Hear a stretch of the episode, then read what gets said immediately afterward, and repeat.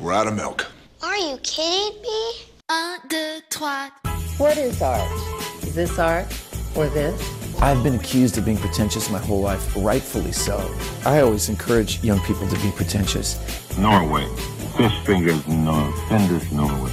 We know a certain fjord in Norway. In order to be a great artist, you simply have to be a great artist.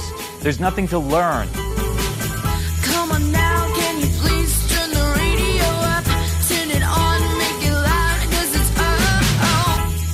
Skumma kultur på studentradioen i Bergen.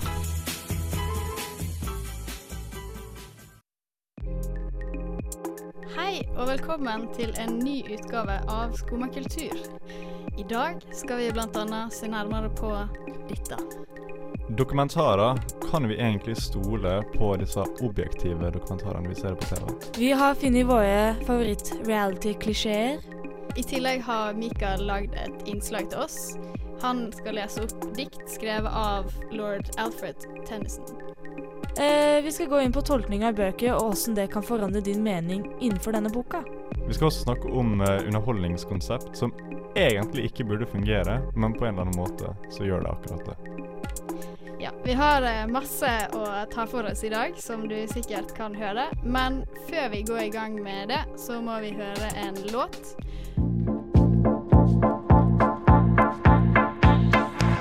Dette er studentradioen i Bergen, og du hører på Skumma kultur.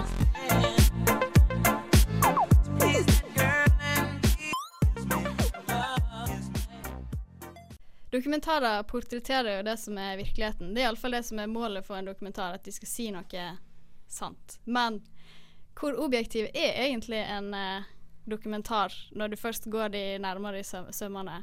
Oskar, har du eh, tanker om det? Liksom alt vi lager som mennesker, er på en måte umulig å lage objektivt. For det, alltid, det kommer jo alltid fra en idé jeg har, da, hvis jeg skal lage noe. Så om, selv om jeg skal på en måte filme dyr ute i naturen, så er det jeg som har bestemt hva vinkel jeg skal filme det fra. Hvorfor jeg skal filme det dyret. ikke sant? Og det, det er sånn, Alle sånne små ting gjør at alt blir på en måte subjektivt. da. Så um, uansett hvordan man vrir og, vender på det, så blir på en måte alle dokumentarer subjektive. Men så har du på en måte de forskjellige gradene av subjektivitet også, da. Ja, ikke sant. Det gjør noe med det. Uh, har du, uh, Mathias, sett en dokumentar som du syns var for subjektiv? Eh, ja, da kommer vi jo til da Supersize Me, da. Der hvor hele poenget var jo å få frem hvor dårlig fastfood egentlig er for deg, spesielt McDonald's. Uh, han prøvde å gå objektivt med at han uh, skulle starte et eksperiment med at han skulle spise uh, fastfood, spesielt fra McDonald's, hver dag i en måned eller jeg tror det var flere måneder. Eh, og da var det sånn at han satte også regler for seg sjøl. Sånn som det der med at han skulle alltid godkjenne hver gang han ble spurt om at han skulle ta en supersize. Og det er litt problematisk hvis vi skal se dette fra en salgsvinkel, med at folk, de som selger deg fastfood, er trent opp til å spørre om at du skal ha visse ting som gjør sånn at de kan tjene penger. Ja, ja for det er jo veldig inntrykk jeg òg hadde når Altså Jeg husker når jeg så Supersize Me først, så ble jeg liksom overbevist av hans uh, line of thinking. Jeg var sånn Oi, McDonald's er skikkelig dårlig og Ja. uh, umoralsk. Men, så er det på en måte ingen folk som kjøper Supersize hver gang de skal kjøpe mat der nå. Det, det er ikke sånn at alle spiser heller McDonald's i hvert måltid hele dagen. Nei, det er veldig sånn urealistisk eksperiment. Og det er et typisk eksempel på Jeg føler det er nesten en egen sjanger med dokumentarer, det der du skal liksom gjøre et eksperiment på deg Mm. sjøl, og så går du inn for Altså, han går inn for 100 og prøver å bevise den påstanden han allerede har Ja. bestemt seg for. Ja, for det er alltid det Hvis jeg ser dokumentarer som skal gjøre forsøk på å finne ut ting Hvis de bruker andre personer til å ta forskninga på, og vise oss forskninga på de andre personene, da, da eh, tror jeg mye mer på det enn hvis de på en måte setter seg sjøl i på en måte forskningsrottemodusen. da Altså, Ja. fordi da har jo de allerede en tanke om hvordan de vil dette skal bli. Og Ja, da er det veldig det. lett å få det til å bli sånn òg. Det er jo det samme med Michael Morrow, føler jeg. Han har jo en ting han vil si som han allerede vet før han begynner dokumentaren. Mm. Og all, altså han fokuserer på de faktum, faktaene som underbygger hans påstand. Mm.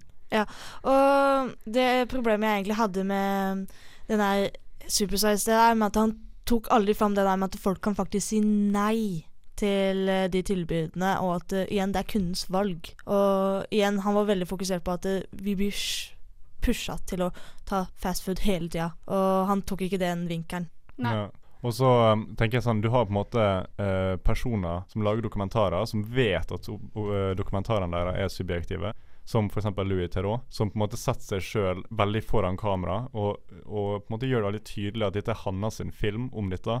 Dette er hans sine meninger om dette, på en måte. Ja, det liker jeg veldig godt med hans dokumentarer, fordi at han snakker med noen få folk, og det er liksom veldig fra hans eh, synspunkt, så du kan på en måte ikke Altså, jeg, jeg eh, får alltid automatisk mer mistillit til dokumentarer som prøver å si at dette er eh, generelt for alle. Mm, sånn er ja. det. Ja, eh, Et godt eksempel når vi snakker om Louis Toro, er jo Han gjorde en dokumentar med unger som har autisme. Så var det en scene der hvor det var en unge med Jeg tror det var autisme eller noe sånt der. Og den hadde en episode der hvor moren og alle ungene måtte prøve å holde den ungen ned.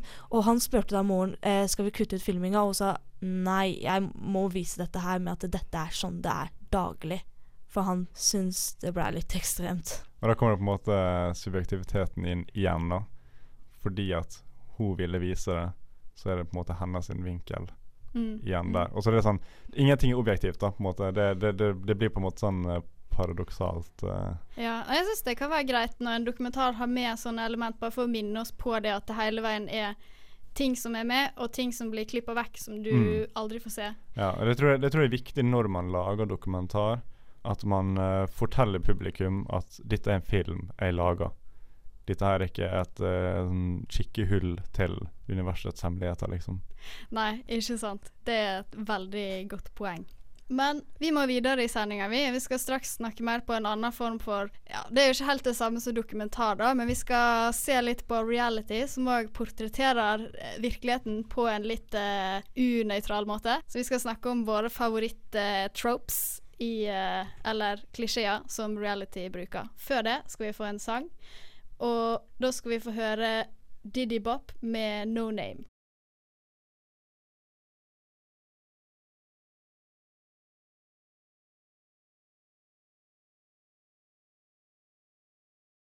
Vi er tilbake, og temaet nå er reality.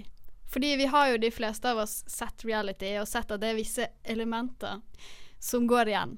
Så i dag skal vi snakke litt om våre favorittklisjeer innen reality, som eh, kanskje bryter illusjonen litt av at reality er noe som portretterer noe virkelig. Mathea, har du en eh, favoritt-reality-klisjé eller trope som går igjen? Ja, det har jeg. Eh, den klisjeen har jeg dubba sinte personer. De personene som dukker opp, da er da Simon Cowell, som er da dommer for Idol, og Gordon Ramsay. Og hvorfor dette blir kalt for sinte personer, er jo fordi at de spiller som surpumper og lette å bli sinte, og de går helt i fyr og flamme mot eh, liksom kandidater og sånne ting. Men egentlig i virkeligheten så er de den mest snilleste personen du kan møte.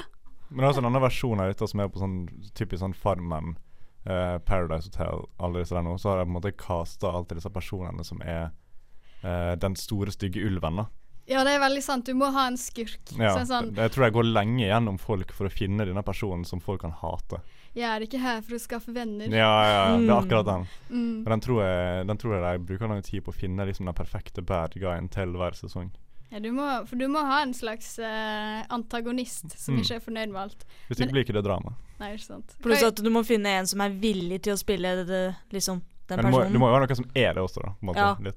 Men igjen, de frivillige går jo ut på å liksom spille den personen. Mm. Og da må de også få fram liksom det med Mm. å spille den personen. Men hva er det som gjør at du liker så godt eh, Er det, er det pga. dramaet du liker slemme personer? Eh, ja, og ja, i hvert fall i Gordon Ramsay og Simon Cowes sin situasjoner, er det liksom hvis en, en av de kandidatene oppfører seg som en drittsekk, og du bare har lyst til å jekke henne ned, så er det så tilfredsstillende å bare se at de begynner å kjefte mot dem og si hva som er problemet, rett i ansiktet på dem. For du bare får en tilfredsstillelse av det, på en måte. Så du liker å leve deg inn i uh, slemheten deres, så du slipper å være slem mot folk sjøl? Ikke helt, men noe i den duren, ja. Jeg synes min, min favoritt er Det er spesielt sånne ting man ser i Queer Eye og sånne serier. Der det på en måte det skal være ekte. Vi møter denne personen nå for første gang, og vi skal på en måte hjelpe deg med livet sitt. Og så er det sånn de banker på døra, og så plutselig så kommer Ser du fra innsida av huset at de åpner døra og skal hilse på deg. Ja. Som om at kameracrew alltid har vært der. Å, jeg Eh, elsker det. Og jeg bare sånn, Hver gang jeg ser den scenen, så tenker jeg bare sånn Hvordan var dette å sette opp Bare sånn OK, nå skal du spille at du ser det for første gang igjen. Og så er det som oftest ikke gode skuespillere, disse folka de skal fikse opp heller. Ja, det er sånn Å, er det dere Oi, som kommer? oi sann! Oi, for en overraskelse. Ja, det var, det var spesielt en episode. Det var en person som spilte en konsert da for et sånt gamlehjem. Og var liksom helt uviten om at uh, Queer Eye skulle komme på døra. Men hele den konserten ble jo filma av et kameracrew. som satt der sikkert med lys og kamera og mikrofoner og liksom fullt oppsett. Og han sitter der og bare Hm, dette er jo bare en vanlig dag. Ja. Og så kommer de inn og bare What?! Og Det det må sånn være litt vanskelig å ikke se inn i kamera, da. Ja, men, ja, men det er bare sånn Jeg, jeg bare ser for meg eksempel som publikum i den konserten, da, når Queer Eye kommer inn og bare sånn OK, hei, vi skal komme inn etterpå som om at vi aldri har vært der. Bare lat som at dere ikke har sett oss før. og så ser jeg bare OK. Det er kjempegøy. ja, det er Og det er bare sånn og, Men når du ser på det, så tenker Det er ikke alltid man tenker over det, liksom. For det, Nei, for du er jo så vant med det fra film, Ja. sant? Mm. Så- Men Åshild, hva er dine favoritt-troper? Ja, altså, jeg har jo mange forskjellige. Uh, når det gjelder Queer Eye, da, jeg syns det er en annen trope innen den samme sjangeren med reality som jeg liker, er jo sånn der før- og etterbilde på sånn oppussingsprogrammer. Ja. Eh, og så ser du det, det gøyeste er jo hvis at det er Hvis at du ser på de som har fått pussa opp huset sitt, at de er ikke sånn super fornøyd med resultatet. er og så må de late som Åh! Ja. Så det, det, det er av og til det går veldig fort på reaksjonene. Det er bare sånn Oi! Ja, ja. Bare, Oi! uh, Og så må de alltid. ser ofte på sånn uh, Tid for hjem og sånne ting også. Der jeg laget Ja. sånne helt spinnville, rare ting i hjemmet som jeg tenker bare Dette kan ikke jeg være fornøyd med. Og så ser du deg sånn Oi, dette var nytt! Dette var Det er noe derfor annerledes. sinte Ja. person faktisk fungerer, for da kan du på en måte snakke rett ut eller vise ukomfortabelheten din på at nei, jeg er ikke fornøyd med hva du har gjort med huset mitt. Ja, og så er på en måte hele konseptet med det, så ser en at ting skal bli bra. da ja. Og så er en ekstra ting eh, En tilleggsting på det der nå før etter. Eh, eksempel når folk skal slanke seg eller skal på en måte trene og bli en ny person, da så ser du alltid sånn førbilder. Jeg har alltid tatt sånn eh, Ja, i dårlig lys Ja, sånn kjempedårlig og- lys mens jeg sitter med en hamburger i handa, eller sitter sånn på, på en rar, en rar positur. da Og så er på en måte etterbildet foran et, en hvit studiovegg med perfekt belysning, og bare sånn De smiler. med ja, sånn ja, og så er det sånn Yeah. Det, jeg, tror- jeg tror det er litt flere ting som viser endring her i dette bildet. Vel, du prøver å få frem at det, å, så tragisk jeg har bare vært feit og sånne ting, og så gjør du det med vilje ved å vise hvor trist du er, eller hvor fokusert du kanskje er på maten. Mm. Så etterbildet så er de mer fokusert på å vise opplagt hele kroppen og hvor mye vekt de har mista. Men også er det liksom eh, bare hele greia med at fokuset på etterbildet er på en måte at det skal se så dårlig ut at uansett hvor bra de gjør det på Nei, før bildet ser så dårlig ut at uansett hvor bra det blir på etterbildet, så eh, ser det mye bedre pga. belysninga og alt det der nå. Ja, ikke sant. Det er jo en veldig bra måte å skjule mistakes. Det hadde vært interessant å se hvor lenge eh, f.eks. de nyoppussa rommene i Tid for hjem blir beholdt sånn ja, som de er. det hadde vært sånn tid for hjem et år senere. Ja, hvordan ser det ut nå? Mm. Men det, det er veldig ofte sånne folk som er litt sånn triste og uh, traurige, liksom, som ikke gidder å gjøre endringer. Så det er sånn Å, nå har de lagt uh, kni hengt knivene på veggen der, kanskje vi bare ikke skal ta den ned. Så sånn, Vi kjøper nye kniver som vi kan bruke. Det er sånn Det er litt sånne type folk uh, de velger. Ja, det er sant. Da har du sikkert et verre utgangspunkt Ja, å gå fra. Så, så de tør ikke å gå vekk fra det de har laga. Det er bedre enn hva vi kunne kommet opp med. Men vi må gå vekk fra dette temaet. Vi skal videre i sendingen. Straks skal vi få høre en samling dikt lest opp av eh, Mikael.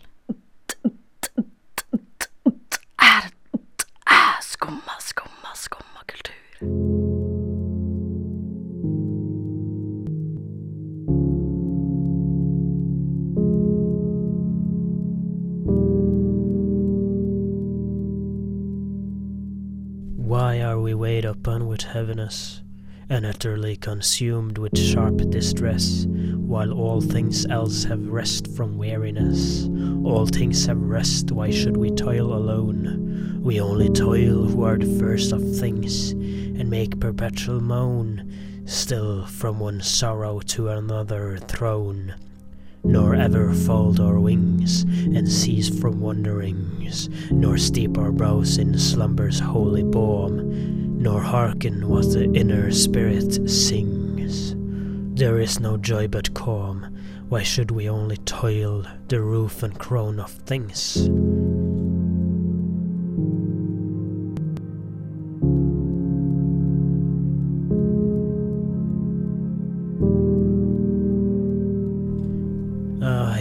Is the dark blue sky, vaulted over the dark blue sea.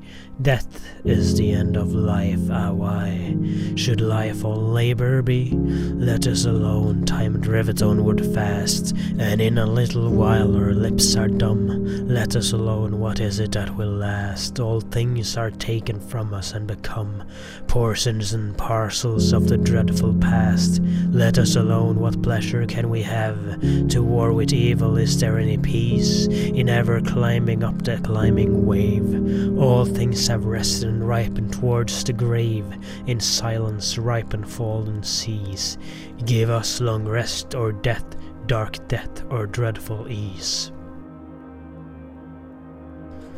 There is the memory of our wedded lives, and there the last embraces of our wives, and there warm tears, but all had suffered change, for surely now our household hearths are cold, our sons inherit us, our looks are strange, and we should come like ghosts to trouble joy, or else the island princes overbold have eat our substance and the minstrel sings before them of the ten years' war with Troy, and our great deeds as half forgotten things.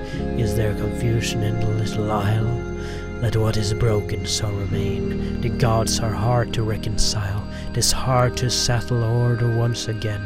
There is confusion worse than death, trouble on trouble, pain on pain, long labor unto aged breath, sore task to hearts worn out with many wars, and eyes grown dim with gazing on the pilot stars. The lotus blooms below the barren peak, the lotus blows by every winding creek. All day the wind breathes low with mellower tone, through every hollow cave and alley lone. Round and round the spicy downs, the yellow lotus dust is blown. We've had enough of action and of motion. We rolled to starboard, rolled to larboard when the surge was seething free, where the wallowing monster spouted his foam fountains in the sea. Let us swear an oath and keep it with an equal mind, in the hollow lotus land, to live and lie reclined on the hills like gods together, careless of mankind for they lie beside their nectar, and the bolts are hurled. Far below them in the valleys, and the clothes are lightly curled.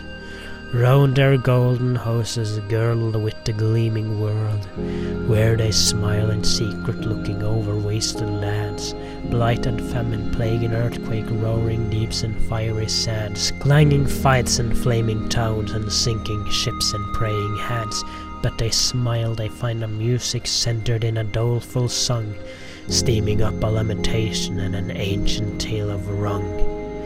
Like a tale of little meaning, though the words are strong, chanted from an ill-used race of men that cleave the soil, sow the seed and reap the harvest with enduring toil, storing yearly little dews of wheat and wine and oil, till they perish and they suffer, some this whisper, down in hell, suffer endless anguish, others in Elysian valleys dwell, resting weary limbs at last on beds of asphodel. Surely, surely slumber is more sweet than toil ashore, than labor in the deep mid-ocean wind and wave and oar. O rest ye, brother mariners, we will not wander more.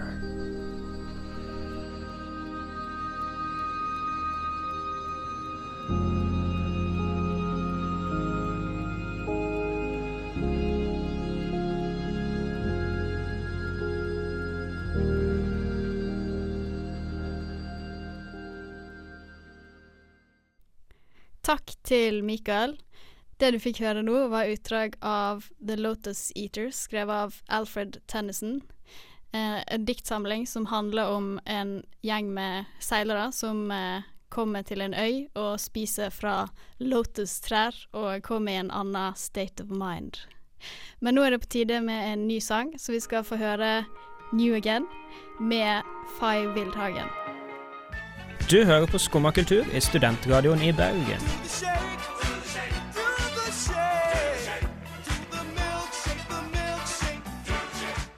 Hei og velkommen tilbake. Vi skal begynne med et uh, nytt tema. Fordi uh, det du har hørt om i dag, kan du kanskje tolke på litt forskjellige måter. Og det er det vi skal snakke om nå, uh, nemlig om bøker. Og hvordan de kan tolkes på forskjellige måter. Um, Oskar, har du en favoritt-alternativ tolkning av et litterært verk? Jeg har jo uh, studert uh, litteratur et år. uh. og da, da lærte vi om Per Gynt, og om hvordan den kan tolkes på to forskjellige måter. Sikkert mange andre måter, men jeg skal snakke om to. Ja, Og da den- fortell, fortell. du, har, du har på en måte sånn den blir fortalt om liksom Per Gynt som går gjennom alle de forskjellige eh, rare tinga som skjer i livet hans. Eh, at han møter troll og hekser og alt mulig rart eh, rundt omkring i verden. Eh, men i boka, så blir det, eller i stykket som det, eh, så blir han eh, beskrevet som en løgner. Han lyger hele tida til alle rundt han. Og det er en teori om at hele Per Gynt bare er en stor løgn fortalt av han. Wow. Jeg kan se det fungerer ved tanken på at uh, når vi kommer til denne scenen i Dovregubbens hall, Mm. så er jo bare Per Gynt den eneste der. Og da Ja. er det jo ikke en annen menneskelig skikkelse, så det kan bli fort tolka med at alt skjer inni hodet hans. Ja, så, og så ligger han med ei eh, sånn vakker dame fra skogen eh, før han drar til Dovregubben. Eh, og jeg arresterer meg om det er feil. Eh, men, eh, men også seinere så kommer hun tilbake igjen med en unge. Eh, og da er hun stygg og ekkel. Eh, og alle disse tinga skjer også mens han er aleine ute i skogen. da Altså det Eh, kan være hans, enten hans subjektive tolkning av eh, en ekte person, eller at hele Ja. hun er Og at det på en måte måten det er fortalt på, er bare en, et oppspinn av han. da Uh, og så har du på en måte disse andre teoriene om det som skjer i Dovregubbens hall, er at han rett før han drar inn dit og møter Dovregubben, så slår jo han hodet sitt i en vegg. Eh, så at det kan jo også bare være en drøm. Ja. Det er mange måter å tolke stykket på. Det er veldig kult. Mm. Det ser det fra en litt annen vinkel. Ja. Forteller litt forskjellige ting. Eh, har du en favoritt-tolkning? Alternativ tolkning? Ja, eh, siden vi snakka om litteratur det, Jeg har også studert litteratur, og en annen tolkning vi har hatt, var jo da Don Quijote. Med at eh, vi fikk jo da spørsmålet er han gal, eller er han ikke gal? Og da ble vi jo lært med at eh, han har jo visse episoder der hvor han virker som en veldig velutdannet person, fordi det han blir beskrevet, er jo at han er en adelsmann. Og da må du jo tenke litt på den tida at adelsmenn var velutdannet, og han leste veldig mye. Så det var noen episoder der hvor han virker som en velutdanna mann og veldig smart. Og mange karakterene i den boka peker det ut. Problemet er jo at det er visse episoder der hvor han bare helt for Bare oppfører seg helt rart. Bare helt ut av det blå. Sånn som en scene der hvor han tror at det er en hær som kommer mot han, men så er det bare en saueflokk. Men han står der og prøver å liksom kjempe mot den saueflokken sammen med eh, sidekarakteren sin, Sancho Panas. Men hvordan kan du forklare det ut ifra at han egentlig er et geni, hvis at han gjør sånne tabber, da, skal jeg si, eller kjemper mot vindmøller og Vel, eh, det er jo visse situasjoner han kommer opp der hvor han skaper en plan på åssen visse situasjoner kan hjelpe. Eh, et godt eksempel der hvor det er en fyr som blir flogga, på en måte, så er han veldig logisk med åssen du skulle håndtere det der med at istedenfor å slutte å flogge en, så kan du gi en heller mer arbeid for det han har, skaden han har gjort, istedenfor at du bare står der. Så, men etterpå, så når han går, så fortsetter den gutten å bli flogga. Ja, så han er, han er løsningsorientert, iallfall. Men eh, dere har jo begge eksempel på måter man kan tolke et verk annerledes. Men hva, hva, hva er poenget med å se et verk fra andre sider? Hva er den største fordelen med å se Per Gynt på den alternative måten med det som løgn, Jeg, Oskar? jeg tror det, det lærer deg på en måte å, å sette annen litteratur i perspektiv seinere. At når du på en måte har utforska eh, verk du allerede kjente til på en eller annen måte, så når du på en måte oppdager nye verk seinere, så kan du sette dem i andre lys. Og eh, ja, oppleve verk på nye måter da, i seinere tid. Jeg det blir på en måte en øvelse over tid, Ja. tenker jeg da. Det er jo også, eh, Man kan jo se på det òg som at i livet må man ofte se ting fra forskjellige Oh, perspektiv. ja. Og så tror jeg det har veldig mye med at eh, når du har lest eh, ei bok eller sett en film som du liker skikkelig godt, så er jo den ferdig når rulleteksten kommer, eller du er på den siste sida. Eh, og det er jo en måte å fortsette å lese verket på. Det er helt sant. Og det, du kan på en måte fortsette historia, for historia var ikke sånn som når du så den. Den er annerledes. Ikke sant? Og du kan på en måte hele tida bygge på og, og se det på andre måter, og da forsvinner på en måte ikke verket. Nei, du får nesten flere verk i Mm. samme boka eller samme stykke. Altså Du kan jo gjøre det nesten òg bare for gøy med f.eks. Harry Potter. Eh, er det alternative versjonen der det handler om at han er, blir homofil, og at liksom wizard er en kode for å oppdage sin egen homoseksualitet. Den teorien har jeg faktisk ikke Å, har du eh, ikke? hørt. Uh, Ikke jeg heller. Å, jeg trodde den var sånn vanlig i, liksom the nerd universe. Men jeg- men jeg skjønner sånn, det, da. eh, Wands, det Ja. det, det forklarer seg sjøl. Ja. Den kjente teorien jeg har hørt når det kommer til det der, er jo det der med at alt det der trollmannsverden er Harry Potter som har inni hodet sitt for å liksom forklare det dårlige livet han har med dumlingene. Å, det er trist. Jeg vet, men det er den jeg har mest hørt om. Mm. Jeg husker det var, var ikke det hele greia med at uh, Dumbledore er homofil Var ikke, Starta ikke det som en teori? Jo, eller det var, det var en offisiell teori, da, for det er JK Rowling som har sagt i ettertid, men det er veldig, veldig vagt i bøkene. Det er ikke Ja. noen sånn tydelig referanse på det. Så det, hun har jo fått litt kritikk for det, at det er liksom å feige litt ut, da. Ja. Men det er jo egentlig mange folk som håper at det skal bli forandra når det kommer til den andre filmen 'Fantastic Beasts and Where to Find Them', at de skal i hvert fall prøve å hinte på at humlesnurr er stormforelska i Grindelwald. Fordi en av teoriene var jo at en av grunnene for at humlesnurr ikke kunne kjempe mot Grindelwald, var fordi at han var forelska i henne. Så Det, hvis men det har faktisk kommet med en statement om at filmene om Humlesnørr ikke, eller Dumbledore ikke skal inneholde uh, Hanna sin uh, seksualitet. da. Ah. Ja, det er Så det får bli en, eh, en ting som man snakker om på nettet. Ja, ikke sant. Det lever videre Mm. i den alternative tolkningen Mm. av Harry Potter. Nå er det på tide med en ny låt, nemlig 'Late Night Walk' med Nauda.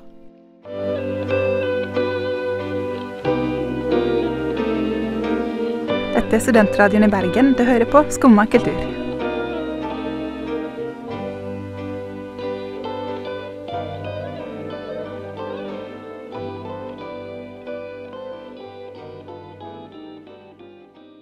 Det er mange ganger eh, når vi ser på TV at vi hører om konsepter som vi tenker at er dette egentlig mulig å lage noe ut av? Det gir jo null mening. Og du Oskar, har du en sånn opplevelse ny nylig når du så på hva dine foreldre så på på TV? Ikke sant? Ja. eh, jeg, jeg husker da jeg var hjemme i Ålesund med mine foreldre. Så gikk jeg inn på stua og så at de satt i eh, sofaen og så på TV, der de så på noen andre personer som satt i sin sofa og så på programmer som mine foreldre helst ville se på. Altså programmet Sofaen. det høres veldig meta og rart ut, og det er akkurat det det er. Det er liksom det, det Du ser på folk som ser på TV. Men så du hele episoden? Ja. Ja, Du gjorde det? Ja, jeg kom, du- jeg kom litt ut i episoden, men jeg så den ferdig med det. Jeg husker veldig godt at jeg hadde akkurat de samme tankene som deg når jeg først hørte om Sofa. Det, sånn, det er et program jeg aldri, aldri kommer til å se på fordi det virker så teit og meningsløst. Men jeg må innrømme at jeg har sett nesten alle episodene som har kommet ut. Men det er bare Det som på en måte er Det som på en måte er fundamentalt tanken min om programmet, hvis det gir mening, Så det er liksom Du har folk som ser på programmer som du er interessert i. Ikke sant? Og man kan, man kan sette en parallell til uh, React-videoer på YouTube. Uh, det er jo mange som er interessert i å se på folk reagere på På uh, underholdning som du har sett allerede, og, og sånne ting. Men det er bare Foreldrene mine for eksempel, er veldig glad i Skal vi danse og Idol og alt det der nå, men jeg, jeg, jeg skjønner liksom ikke hvorfor jeg skal se på andre folk som ser på det. Hva er dine tanker om eh, sofa, Mathea? Jeg skal være ærlig. Jeg Når jeg ser sånne TV-serier eller filmer med venner, så liker jeg å ha si noen kommentarer på en viss scene som skjer, og det syns jeg er veldig morsomt. Men, så jeg kan forstå hvorfor noen folk kanskje liker å se sofaen, for du veit aldri hva slags kommentar de kommer til å se, si i den scenen. Men det føles litt sånn rart, bare. Men det som Jeg er merker jeg, eh, jeg føler meg veldig alene, for jeg syns, eh, jeg syns det er så underholdende. For det, jeg, jeg er jo typen som liker å lese kommentarer på YouTube-videoer, eller lese reviews av serier jeg har sett på, for å få andre sine tanker om det jeg har sett. ja, Da får du på en måte kanskje en instant review da med å se på det programmet. Du, det må være drømmen å bli liksom betalt for at du skal se på serie, bare så lenge du filmer deg i det scenarioet. Ja, og jeg skulle bare si Du har jo han ene som eh, gikk fra å sitte i en sofa og se på Skal vi danse, og nå er dommer i Skal vi danse. Ja, det er jo en karrierevei, det òg. Ja, så det er jo Men ja, du nevnte jo React-videoer og sånne her ting, og den kan jeg forstå, fordi jeg har sett på noen React-videoer på YouTube, og det er fordi at da er det en viss scene i den episoden, og du har lyst til å se andre sine reaksjoner på hva er det de kommer til å gjøre. Men ja, så jeg kan forstå hvorfor kanskje sofaen er interesserende da, fordi hvis du har sett dette her på fareveien, og så skal du se andre sine reaksjoner, og de bare reagerer sånn Hva skjedde nå? Nei, det er, det er ikke så greit å forstå. Men vi har jo flere eksempler på konsepter som er vanskelig å forstå at folk eh, bruker tid på å se på, og som jeg heller ikke skjønner. Eh, vi har jo alle disse sakte TV-konseptene, sånn eh, følg Hurtigruten 24-7 i ja, minutt for minutt. minutt for minutt. Ja. Det er jo òg foreldregenerasjonen elsker. Ja, NRK har jo gjort storsatsinger med Minutt for minutt-serien sin. eh, som er Se på en lang båttur i eh, flere timer. Se på en trikk som kjører ute i flere timer. Det er liksom Ja, det er jo det en av de nyeste. Det er jo følg Holmenkollen-bana Ja. opp. Og det er jo ikke Det er jo ikke en kul Nei, altså, du kan sette deg på Holmenkollen-trikken og, og eh, følge med på hvor mye spennende som skjer på vei opp dit. Og, eh, og, og se det live er gøyere enn å se det på TV, og det er ikke så gøy. Ja. Eh, jeg har hørt at eh, Jeg tror det var i Sør-Korea at de viser minutt for minutt på liksom togstasjonene der bare for at folk skal ha noe underholdende å se på. Vise minutt for minutt hva?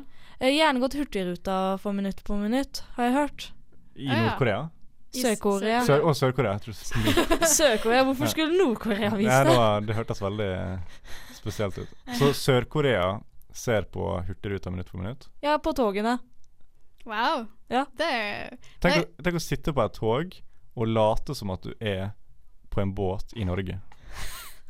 Det er ekstremt spennende, egentlig. Men jeg føler at Det- det, det sjokker ikke meg så mye at Sør-Korea liker sånne ting. Ikke, altså, ikke noe negativt mot deg, men det er litt sånn de har mange sånne underholdningskonsept der borte som ikke ville funka like bra her i Norge.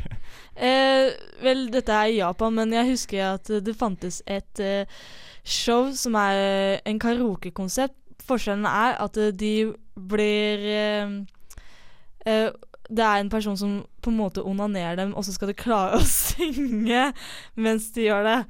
Dette blir vist på TV. Dette ble vist på TV, ja. Hæ? De Jeg, viser ikke For å si at de Nei, men, dekker det eh, over, men det er liksom du veit at det er Heldigvis så dekker de også ansiktet til den personen som skal liksom uh, onanere den andre, men Nei, det høres Jeg er glad for at Norge ikke er klar for den. Ja. Men Det det, er sånn der japansk gameshow som er et egen sjanger i seg sjøl. Men japanske eh, gameshow føler jeg er konsept som burde fungere, men ikke gjør det. det, de får jo seere, da, tydeligvis. Ja. Pluss at vi har tatt noen gameshow derifra, sånn som Ylvis møter veggen. Ja, det Ja. er sant. Det er sant. Vi har de litt mer tammere versjonene her i Norge. Det er sant.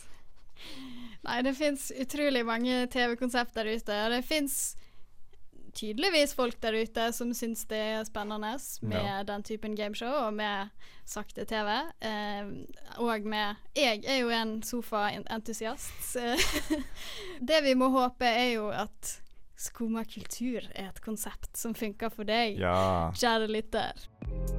Vi i Skumma kultur kommer tilbake neste mandag. Vi må takke vår produsent eh, Lone Gunnerud. Vi har vært Oskar Fugelsnes. Mathea Lægland. og meg, Åse Lenstad.